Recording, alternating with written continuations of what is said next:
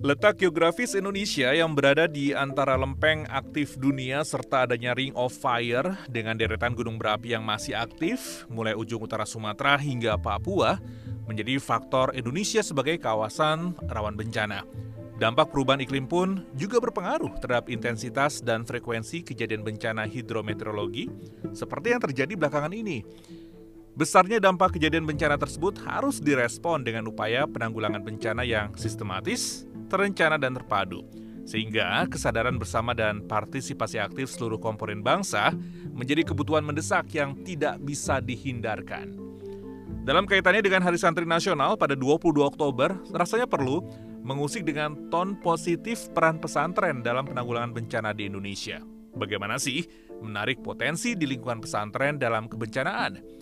Salah satu komponen yang jumlah dan potensinya sangat besar di Indonesia adalah pondok pesantren. Inilah episode ketujuh Talk Disaster kita kali ini.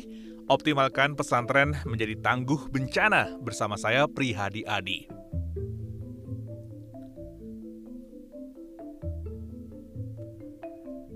Pesantren sebagai lembaga pendidikan tertua di Indonesia telah ada sejak abad ke-14, tepatnya saat zaman penyebaran agama Islam tanah Jawa oleh Wali Songo. Sejak saat itu hingga sekarang, jumlah pesantren di Indonesia terus mengalami peningkatan. Mengutip isi dari pidato Menteri Agama RI dalam peringatan Hari Santri Nasional 2020 dari laman pendis.kemenak.id, jumlah pesantren di Indonesia, di seluruh Indonesia ini mencapai 28.900 pesantren dengan 5 juta santri yang mondok atau bermukim di pondok pesantren. Dengan jejaring yang besar, dan bahkan merata di seluruh Indonesia, tentu saja pesantren dan santri-santri di dalamnya menurut saya sangat potensial dan strategis menjadi ekosistem yang dapat menjadi bagian sistem penanggulangan bencana. Sebenarnya mengoptimalkan peran pesantren dalam kebencanaan ini juga sudah pernah disinggung ya oleh Wakil Gubernur Jawa Barat UU Ruzanul Ulum yang mengatakan waktu itu uh, wilayah Jawa Barat merupakan lumbung bencana alam. Dan untuk menghadapi bencana alam, dirinya berharap pemerintah daerah di 27 kabupaten dan kota memfasilitasi adanya kantor-kantor SAR di setiap daerah. Bahkan, Pemprov Jawa Barat juga akan membentuk komunitas santri siaga bencana.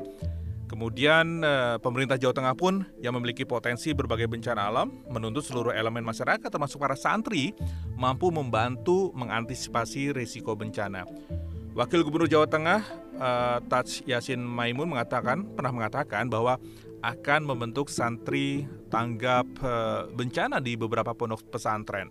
Santri tanggap bencana ini dibentuk sebagai salah satu solusi atas sebagai sebagian besar wilayah Jateng yang merupakan daerah rawan bencana.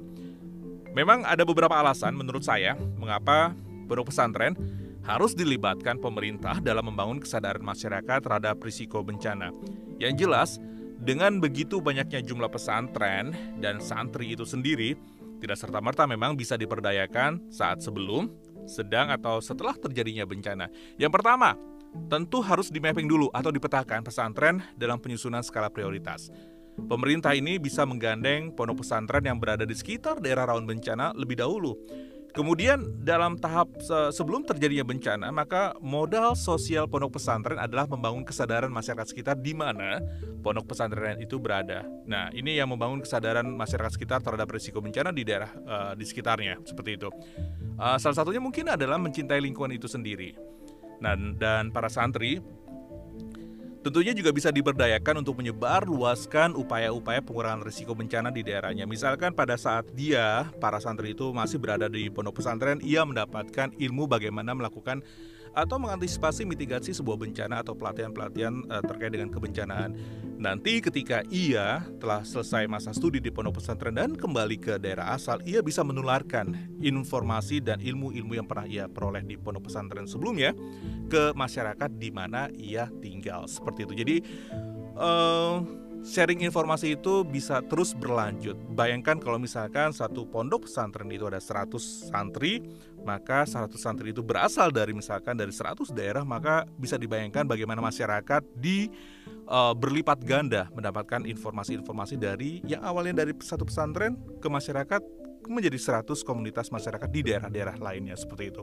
Kemudian dalam tahap sedang terjadinya bencana misalnya itu tadi saya menyebutkan bahwa yang pertama harus di mapping dulu, kemudian tahap selanjutnya uh, uh, pada saat bencana. Ini dalam tahap sebelum terjadinya bencana sudah ya kita mengadakan kalau modal sosial pesantren itu adalah membangun kesadaran masyarakat sekitar. Nah, kemudian dalam tahap sedang terjadinya bencana, apa sih sebenarnya yang bisa dioptimalkan dari pondok pesantren dan santri adalah pondok pesantren dan santri itu bisa menjadi shelter atau tempat berlindung para warga yang menghadapi bencana. Kenapa?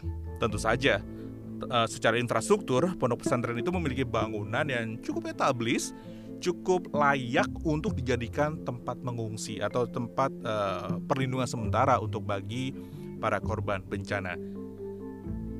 Dalam hal ini, saya rasa pemerintah tidak lagi perlu membangun tenda darurat karena tenda darurat ini cenderung uh, pada malam hari angin-anginan atau tiba-tiba musim hujan atau hu turun hujan di di uh, kawasan area lapangan tempat di mana para pengungsi itu berada terkonsentrasi seperti itu dan juga kadang tidak uh, berakhir dengan tidak higienis uh, tenda darurat ini dan kemudian juga perlu mencapai atau mencari suplai air untuk para pengungsi dan kebutuhan-kebutuhan mendadak lainnya yang sebenarnya sudah terjawab atau sudah terpenuhi jika warga pengungsi ini mengungsi di pondok pesantren.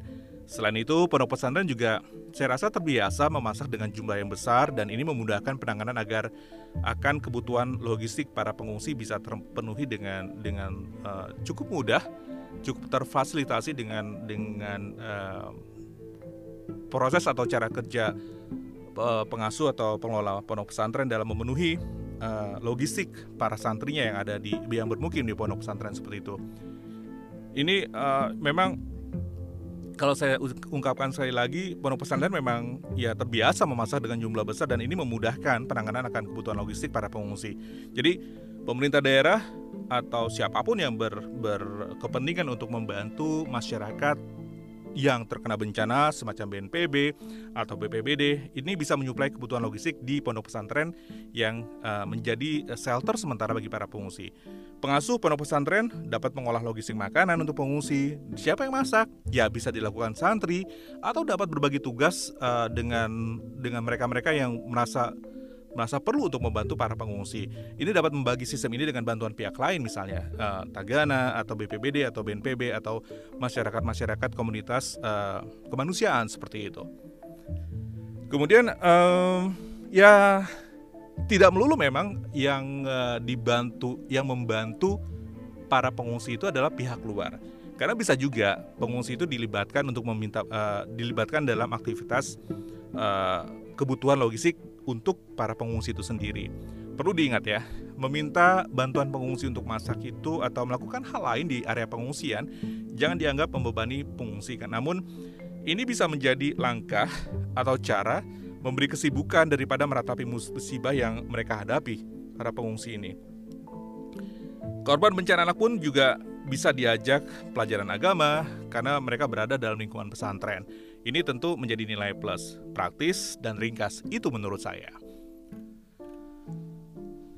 Nah, pada saat proses pasca bencana, para santri juga bisa dilibatkan dalam recovery, misalnya pembersihan sisa bencana, atau masih bisa juga dengan memberikan bekal batin dengan ceramah-ceramah agama untuk memberikan asupan batin korban bencana. Yang jelas, pada tiap daerah yang memiliki risiko bencana, dan juga terdapat pondok pesantren perlu memiliki agenda aksi yang jelas dan terstruktur eh, yang yang terstruktur maksudnya agar peran pondok pesantren bisa dimaksimalkan karena jika kembali menurut me, merunut optimalisasi peran pondok pesantren dalam siklus kebencanaan yaitu preparedness, response, recovery dan mitigation, maka pondok pesantren memiliki sumber daya manusia. Jelas. Satu pondok pesantren memiliki ratusan santri dan juga sarana prasarana, uh, kamar, kemudian juga uh, supply air, MCK, dapur, peralatan dapur sekalipun juga mereka memiliki. Jadi sekali lagi dalam siklus kebencanaan yaitu preparedness, respon, recovery, dan mitigation, maka pondok pesantren memiliki sumber daya manusia dan sarana prasarana tentunya apa yang diharapkan uh, terhadap peran pondok pesantren dalam penanggulangan bencana tidaklah menjadi mumpuni jika para santri di Ponpes tidak dilatih dalam penanggulangan bencana.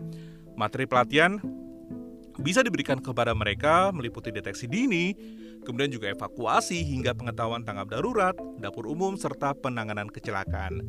Itu banyak sebenarnya yang bisa kita uh, gali potensi-potensi uh, peran pondok pesantren dalam uh, sistem atau ekosistem penanggulangan kebencanaan di Indonesia.